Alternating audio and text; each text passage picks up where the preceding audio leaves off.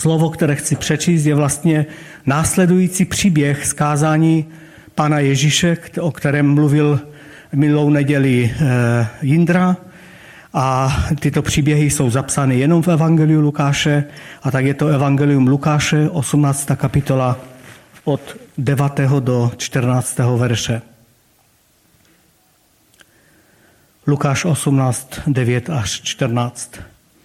A těm, kteří spoléhali na sebe, že jsou spravedliví a ostatními pohrdali, řekl toto podobenství.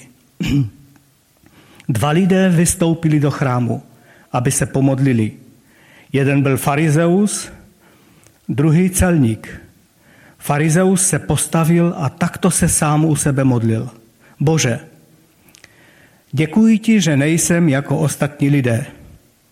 Lupiči, nespravedliví, cizoložníci, nebo i jako tento celník. Postím se dvakrát týdně a dávám desátky ze všeho, co získávám. Avšak celník, který stal opodal, nechtěl ani oči k nebi pozdvihnout. Byl se do prsou a říkal, Bože, projev milost mne hříšnému. Pravím vám, že ten se stoupil do svého domu ospravedlněn spíše, než onen farizeus. Neboť každý, kdo se povyšuje, bude pokořen, kdo se však pokořuje, bude povýšen. Tolik z Božího slova. Pane náš, tak ti děkujeme za tvé slovo a prosím tě, požehnej ho v našich, v našich srdcích. Ty sám jednej skrze svého ducha svatého, abychom mohli rozumět a přijímat to, co nám chce říct. Ať ty sám si oslavený na tomto místě. Amen. Amen. Můžeme se posadit. Víte, tento příběh, který pan Ježíš eh, říká, vůbec není o tom, že farizové jsou špatní a celníci jsou dobří. Vůbec není o tom, že, že eh, o, o špatných farizejích a dobrých celnicích. O tom ten příběh není. Eh, ani bychom neměli mít pocit, že to, co dělal farizeus, bylo v podstatě špatné. Neměli bychom získat ten pocit, protože pán Ježíš v tom příběhu vůbec nespochybňuje ty dobré snahy farizea a oni opravdu byly dobré.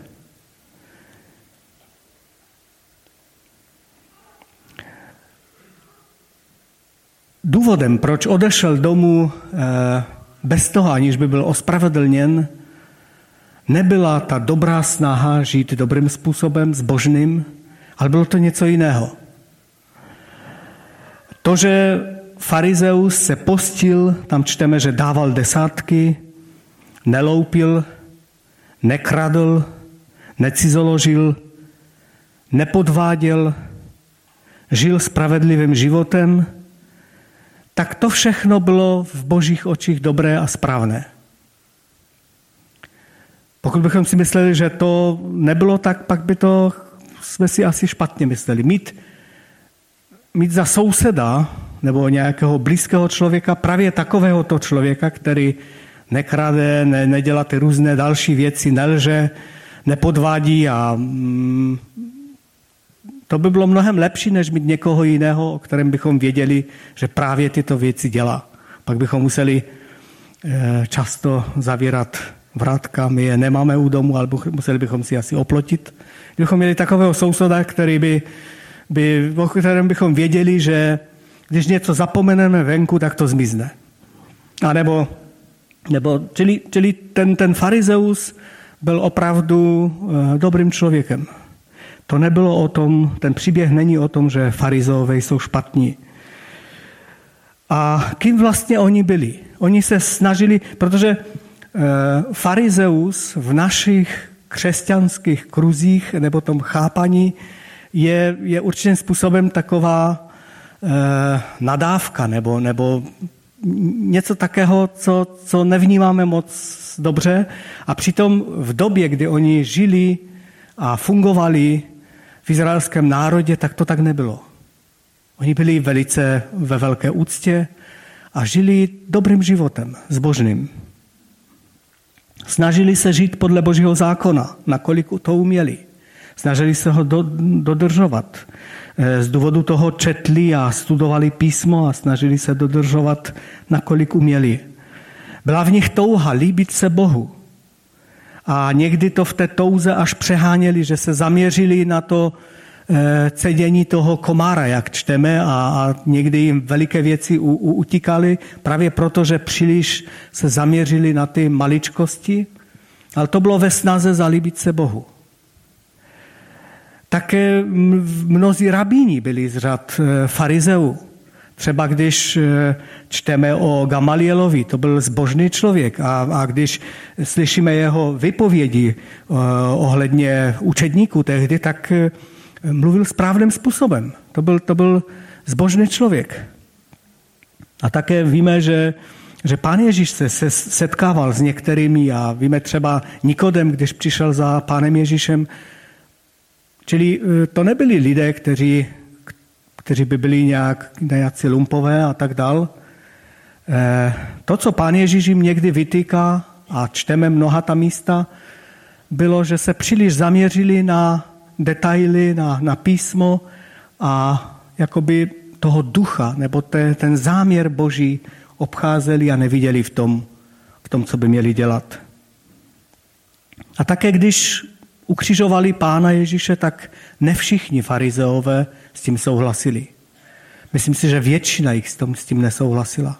Byli to jenom někteří, kteří tím směrem tlačili lid. A takže farizeové, i když v našich očích někdy jsou braní jako, jako e, takový zvláštní lidé a nejsou moc dobrým příkladem, tak v tehdejší době, v době Pána Ježíše, to byli lidé, kterých si druzí vážili a byli to lidé, kteří se snažili hledat Boha, nakolik to bylo možné. A kým byli celníci? Celníci na druhé straně, celník anebo či daně, jak říkají některé překlady, eh, to byli lidé, kteří, eh, když někdo řekl celník, tak v tom myšlení tehdejších lidí si představili někoho, kdo eh, je takový bezpateřní, slízký člověk, který kolaboruje se systémem, římským systémem a, a nějak snaží se z toho vytěžit co nejvíc. Takže a navíc e, nějak e, se živí nebo přiživuje právě na Židech, na izraelském národě. Ne na, ne, ne na, těch, ne na těch Římanech, ale právě na izraelském národě se přiživuje. A pro mm, Židy to bylo, to nebylo, to, to bylo synonymum něčeho, něčeho špatného. Dokonce pán Ježíš ve, ve vyučování eh, několikrát vzpomíná eh, celníky, spojuje je s hříšníky jako synonymum něčeho špatného. Dokonce pán Ježíš je, napsáno třeba na jednom místě, jestliže si zamilujete ty, kteří vás milují, jakou máte odměnu? což i celníci nečiní to tež. Jinými slovy, dokonce i ten celník, který je tak zvláštní člověk a dokáže okrást kde koho, i on dělá dobře těm svým blízkým. Jinými slovy. A nebo na jiném místě říká, Amen, pravím vám, že celníci a nevěstky, spojuje to tady s nevěstkama celníky, vás předcházejí do Božího království. A tak dál. Tam je víckrát zmíněno, jsou zmíněni celníci. Takže Eh, Pán Ježíš spojuje celníky stejným způsobem, jako, jako v Izraeli to bylo zvykem s těmi, s těmi lidmi, kteří nejsou právě poctiví a nejsou tím, tím příkladem pro druhé. Oni bývali zodpovědní za výběr daní pro římské okupanty, rozumějí pro císaře, protože císař vybíral daně a tak oni za to byli zodpovědní a e, Nevím, jak to přesně fungovalo, ten daňový systém. Jedna věc je jasná, že císař musel dostat svoje. Jo, čili oni měli v tom jakýsi systém měli, takže ti celníci museli vybrat dost toho, aby císař dostal tu svou částku. A pak čteme třeba o Zacheovi, on byl vrchní celník, takže on už pravděpodobně ty částky přímo nevybíral, ale od těch nižších celníků vybíral nějaké procento z toho, co oni vybrali a ti nižší celníci zase, aby taky nepřišli zkrátka, tak taky si něco přirazili na to. Takže ve výsledku možná ti lidé platili dvojnásobek toho, co císař měl dostat, aby císař dostal to, co měl dostat. Asi tak to nějak fungovalo, nevím přesně, ale, ale z, těch, z těch popisků čteme, které čteme třeba o Zacheovi, anebo jiná místa, anebo když třeba, když třeba se e, ptají, e, když přišli celníci za Janem Křtitelem, aby se nechali pokřtít a ptají se, co máme dělat. On jim říká, nevybírejte více, než máte vybírat. Jo, čili všichni věděli, ti celníci, ti se na tom přiživují. Jim se daří dobře, mají vybrat, já nevím, 500 korun a vybírají 1000 korun a nějak si to tak rozdělí mezi sebou a mají se dobře u toho. Takže je neměli moc rádi. Celníci byli synonymem něčeho špatného, špatného jednání. Lidé je neměli rádi. A tak teď je otázka, proč, proč ten celník odešel z chrámu ospravedlněn a farizeus ne. Některé překlady že eh, říkají, jak jsme ji četli, že, že spíše bude ospravedlněn ten než onen, ale některé říkají, že odešel jeden eh, ospravedlněn, druhý ne. Co zabránilo tomu, aby farizeus odešel domů ospravedlněn. Abych chtěl několik, ně, několik myšlenek k tomu říct. Víte, tam je řečeno na začátku, že pán Ježíš dává příklad o těch, kteří spoléhali na sebe, že jsou spravedliví a ostatními pohrdali pak říká toto podobenství. Spolehali na sebe, že jsou spravedliví a pohrdali ostatními. Tak si myslím, že ta první věc, která bránila tomu farizeovi, aby přijal ospravedlnění, byla ta, že byl pyšný a povýšený. Byl pyšný na to, jaký je. Začíná svou modlitbu, pane, děkuji ti za to, že nejsem jako ostatní lidé. Děkuji ti za to, že jsem lepší, jinými slovy. Děkuji ti za to, že tam dokonce pak říká, že nejsem takový jako ten celník, který tam někde opodal stál. Čili pícha a povýšenost. Druhá věc, kterou tam můžeme vidět, je spokojenost se sebou samým. On vlastně se ani moc nemodlí, nebo, nebo eh, on vlastně o nic nežádá Boha. On jenom vyjmenovává Bohu. Tam je řečeno, sám u sebe se modlil takto. Bože, děkuji ti a už vyjmenovává, že nejsem jako ostatní lidé, lupiči, nespravedliví, cizoložníci a tak dál. On jenom jakoby přichází před Boha a vyjmenovává ty své dobré vlastnosti. A on takový byl, to je pravda, ale jeho spokojenost samým se sebou působila to, že říká Bohu, jak je dobrý. A kdybychom to nějak potáhli dál, tu myšlenku, pak říká Bohu, já jsem tak dobrý, že tě vlastně ani nepotřebuji. Já jsem tak dobrý, že už moc není co zlepšit protože žádnou z těch špatných věcí nedělám. A také z toho vyniká, a to je vlastně, eh, bych řekl, výsledek takového postoje, že tam bylo pohrdání druhými a srovnávání toho, jak kdo obstojí před tím zákonem, před Božím slovem. Ta jistota eh, fariza, jak je dobrý, jak eh, je spolehlivý člověk, způsobila v něm, že mluvil o druhých s pohrdáním a díval se i na toho celníka pohrdavě. Takže to povyšování, když se povyšujeme na druhé, často to vede k odsuzování a posuzování druhých. A na druhé straně, co způsobilo, že ten celník odešel domů ospravedlněn? Za prvé to, že uviděl a uvědomil si, jak velmi se vzdálil od dokonalé Boží vůle, která byla zjevena Židům v zákoně.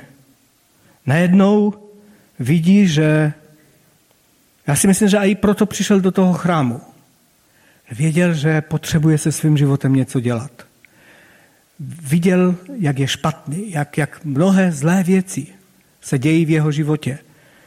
Oni, když byli, říkalo se o nich, že byli zloději, ale často, když hřešíme jedním směrem, tak se nabalují mnohé další věci na to. Tak nevíme, co všechno se dělo v životě toho celníka, ale víme, že si uvědomil, jak velmi, velmi potřebuje to, aby, aby znova se eh, přiblížil k Bohu, aby se změnil jeho život. A ten způsob, jakým přichází do chrámu, tam čteme, že ani, ani nepozvedl své oči. Že ten, ten, ten tlak té věd, toho vědomí, jak je hříšný, jak, jak velmi je nespravedlivý, způsobil, že ani nepozvedl své oči před Bohem.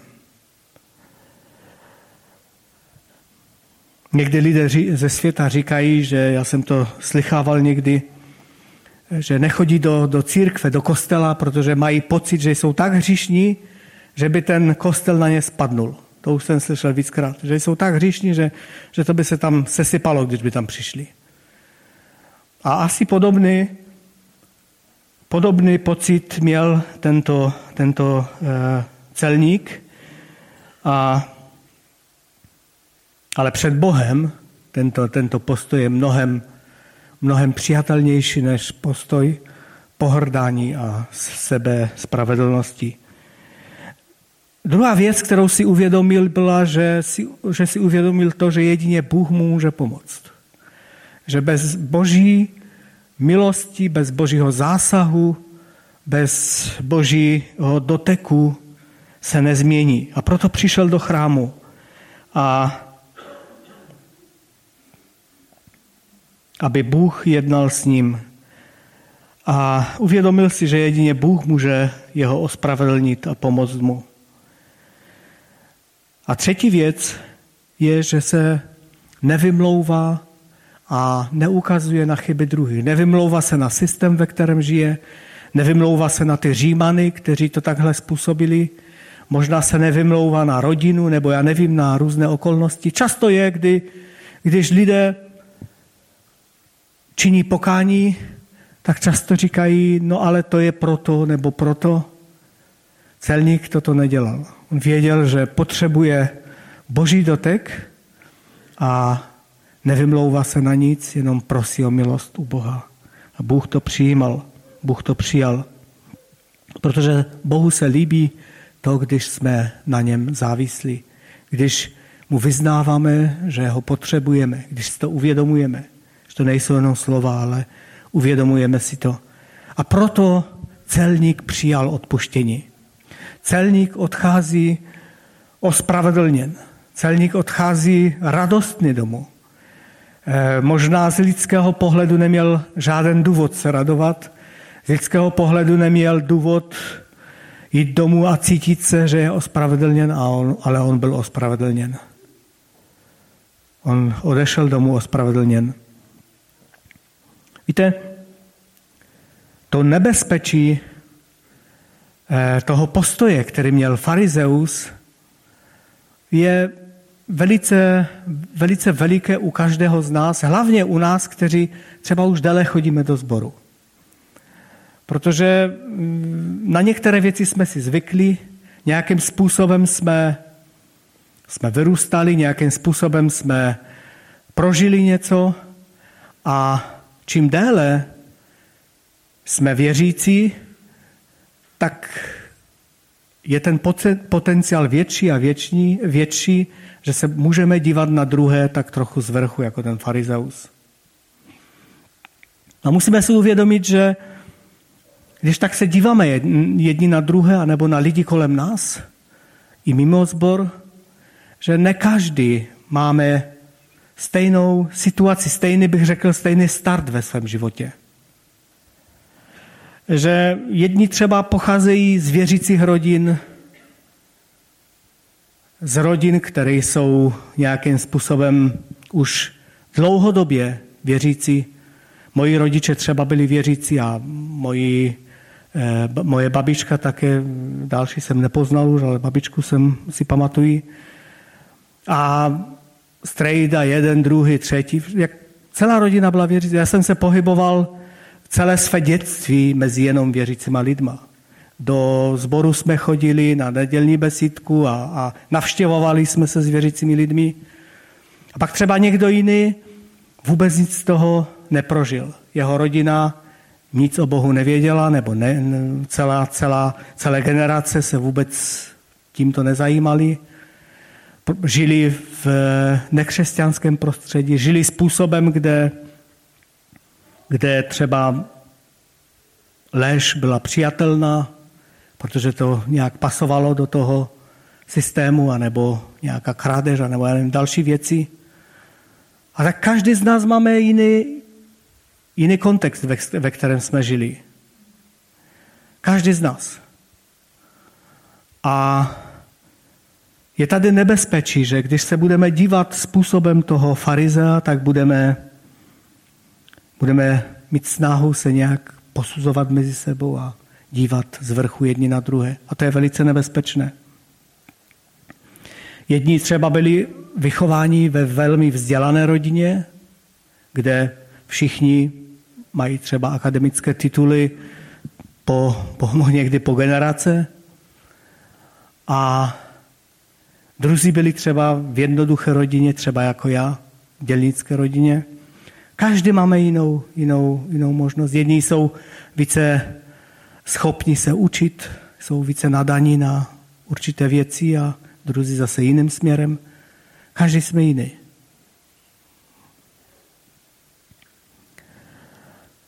I u nás ve sboru. Jedni uvěřili třeba před pár měsící a druzí chodí 30 let do toho sboru. Je to rozdíl. A to vše způsobuje, že jsme jiní a máme často jiné názory na věci, také, že máme různé životní zkušenosti. Jiná zkušenost bude člověka, který žil v nevěřící rodině a jiná zkušenost bude člověka, který vyrůstal mezi věřícími. To je, to je dané tím. Věci, které jsou pro jednoho bratra nebo sestru zcela normální, pro druhého jsou, jsou synonymem největšího hříchu. A naopak, já si vzpomínám, jako, jako děti pro nás bylo nepřijatelné, to, to možná víc z vás si to pamatuje, eh, nepřijatelné třeba hrát karty. A dnes, když se podíváme na dnešní eh, mládež, mladé lidi, tak karty to je jeden ze způsobů, jak se baví. Úplně, úplně jiný, jiný svět. Pro nás to bylo synonymum něčeho špatného, protože naši prarodiče byli osvobozeni od toho, že mnozí z nich byli alkoholici a, a bavili se tím, že, že pili alkohol, hrali karty a různé další věci. Byli od toho osvobozeni, proto vznikla, vznikla taková averze vůči těmto věcem a mnohé další, mnohé další názory. Někteří třeba vůbec nepijou alkohol a říkají, že to je správně. Hlavně některé, některé, některá hnutí nebo, nebo i některé národy, já si vzpomínám, to nevím, možná to neřeknu přesně, je takový vtip o dvou eh, pastorech, kteří jeden, jeden tuším Američan, jeden Angličan a říkali, že bavili se o Čechovi a ten Američan vypráví tomu Angličanovi, že mm, byl v Česku na návštěvě a že ti pastoři si dali pivo. tak to viděl jako obrovský, obrovský problém a, a úplně se mu ježili z toho vlasy na hlavě. A když to ten Brit uslyšel, tak překvapením otevřel ústa a vypadla mu cigareta. Takže jsou různé, různé, různé názory, různá společenství a, a e, jsme různí lidé. Když se zaměříme na, na nějaké to posuzování jedných druhých, pak to může vést k tomu, že, že se postavíme do role toho farizea. Víte, celník neodešel z chrámu ospravedlněn pro svou bezbožnost. On neodešel ospravedlněn, protože dělal špatné věci. Stejně jako farizeus neodešel s nepořízenou, protože dělal dobré věci. Ale celník odešel, protože si uvědomoval potřebu proměny Bohem.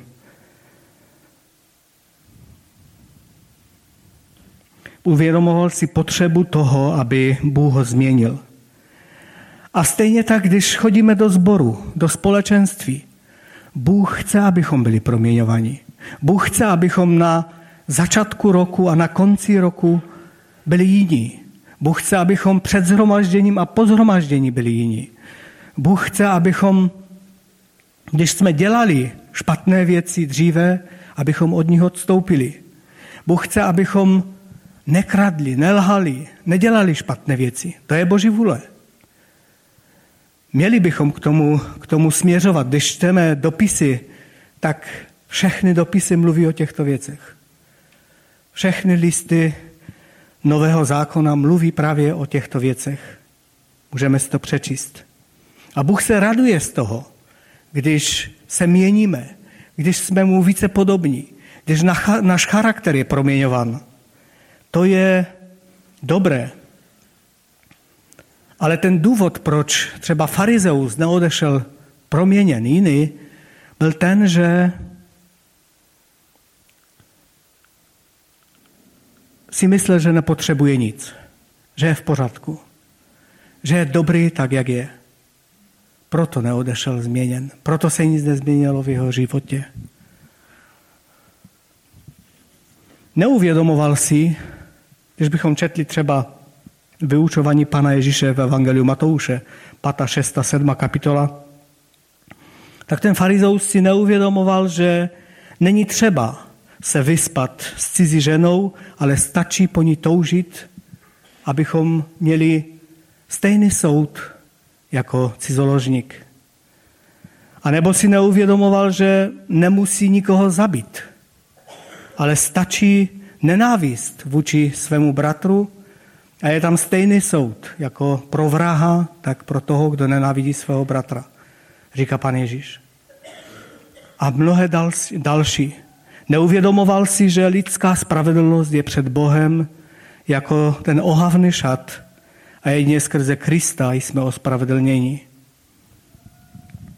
Neuvědomil si možná, že Bůh se protiví pyšným a těm, kteří se pokoří před ním, dává milost. A proto farizeus odchází s nepořízenou. A nebo možná, možná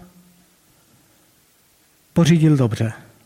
Zdá se mi, že i farizeus, i celník, že Bůh vyslyšel modlitbu obou.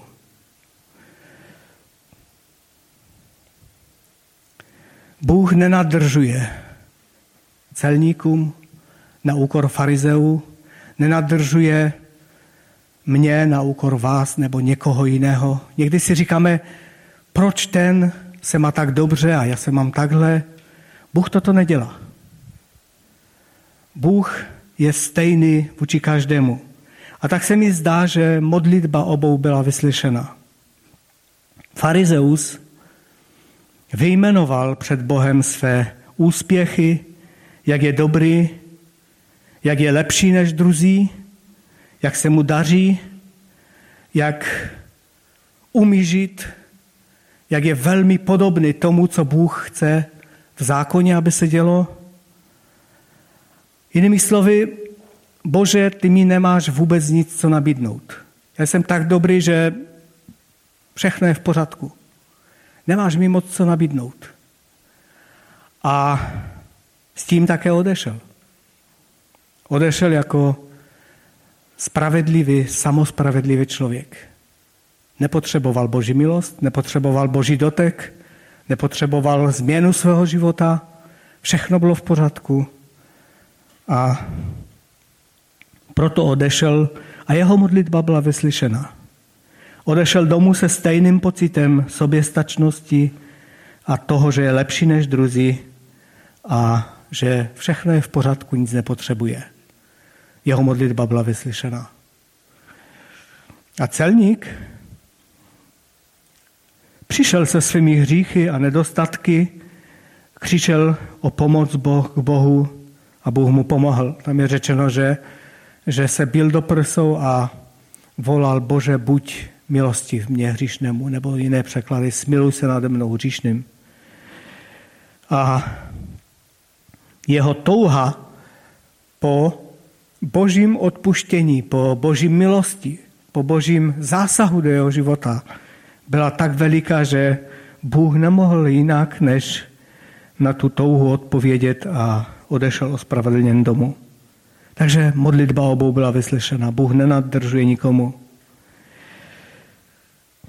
Bohu se nelíbí, když pohrdáme druhými pro to, co dělají, pro to, jaký jsou, proto někdy, že možná věci vynikají z toho kontextu, ve kterém vyrůstali, způsob jejich uvažování, jednání, protože ještě neměli dost času na to, aby se změnili, aby je pán mohl změnit. Bohu se to nelíbí, když takovými lidmi pohrdáme. Jakákoliv povyšenost, jakákoliv eh, nadřazenost nad druhé se Bohu nelíbí. Bohu se to dokonce hnusí. V přísloví v 16. kapitole čteme pátý verš. Pro hospodina je ohavností každý povyšenec. Zcela jistě nezůstane bez trestu. Je tam řečeno ohavností, že je pro něho každý povyšenec. U Izajaše 2. kapitola 12. verš. Neboť den hospodina zástupu přichází na všechno pyšné a povýšené, na vše, co se pozvedá a bude sníženo. Jakub, čtvrtá kapitola. Ještě větší je však milost, kterou dává. Proto praví písmo. Bůh se staví proti pyšným, ale pokorným dává milost. To jsou verše, které dobře známe. Všichni víme o těchto verších. Postoj toho, kdy, kdy se díváme na druhé z vrchu, protože třeba jemu se nedaří to, co se daří mně. Protože vidíme mnohé ještě z toho starého života na nich. Když máme takový postoj a díváme se na toho a na toho a všímáme si, jak druzí žijí a jak, jak, jsou, jak jsou bezbožní možná, tak tento postoj působí, že se stáváme těmi, kteří odsuzují. A odsuzovat někoho je velice nebezpečné. Pán Ježíš říká, že jakým soudem soudíme, stejným budeme soudeni i my. Jinými slovy, když teď soudíš druhého, anebo odsuzuješ, pak když staneš před Božím soudem, tak se ti stane to stejné. A to je veliká, veliká výzva pro každého z nás. To je veliká, veliké napomenutí, že stejným způsobem budeme souzeni, jak, jak my posuzujeme.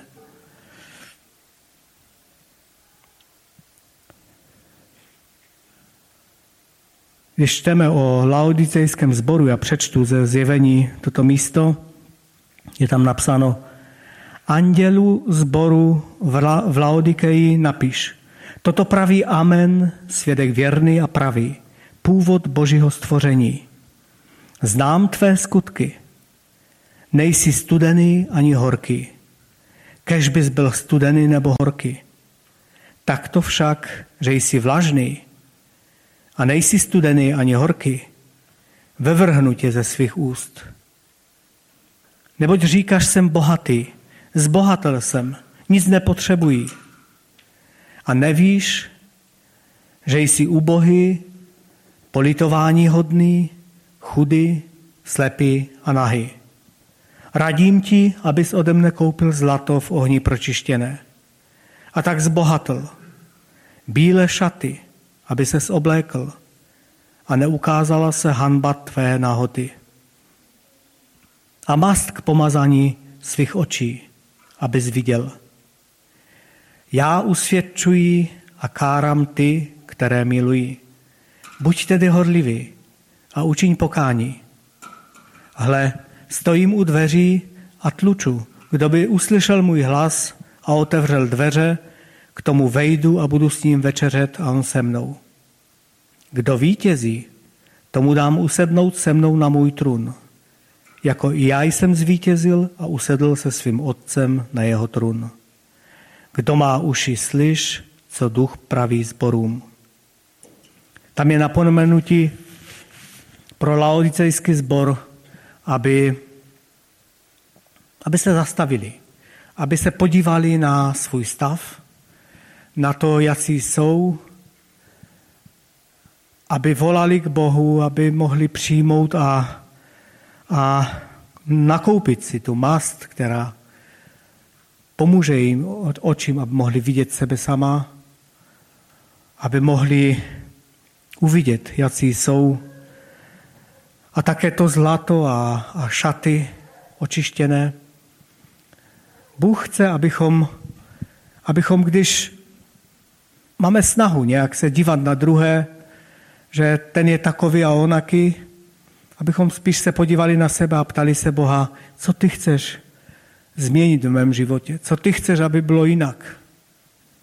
Možná jsou dobré věci ve vašich životech, v našich životech a to je dobré, Bohu se to líbí, ale vím, že Pán chce mnohem více, že nás chce vezdál, že chce, aby náš charakter byl proměňovan. A také špandá, abychom mohli sebe sama vidět tak, jak nás vidí On. Modleme se za to, aby Boží duch mohl nás usvědčovat, mohl nám dávat milost k tomu, abychom viděli věci ve svém životě. Modleme se také o to, abychom měli lásku jedni k druhým. To ne takovou lásku, že budeme poukazovat na druhé, ale takovou, abychom si našli čas třeba a modlili se s tím druhým, když eh, nemá, když se mu třeba nedaří v něčem. Modleme se za to, abychom mohli mít i vztahy takové, aby ten, kdo, kdo třeba zbloudila nebo je v problémech, aby měl odvahu se s náma o tom pobavit.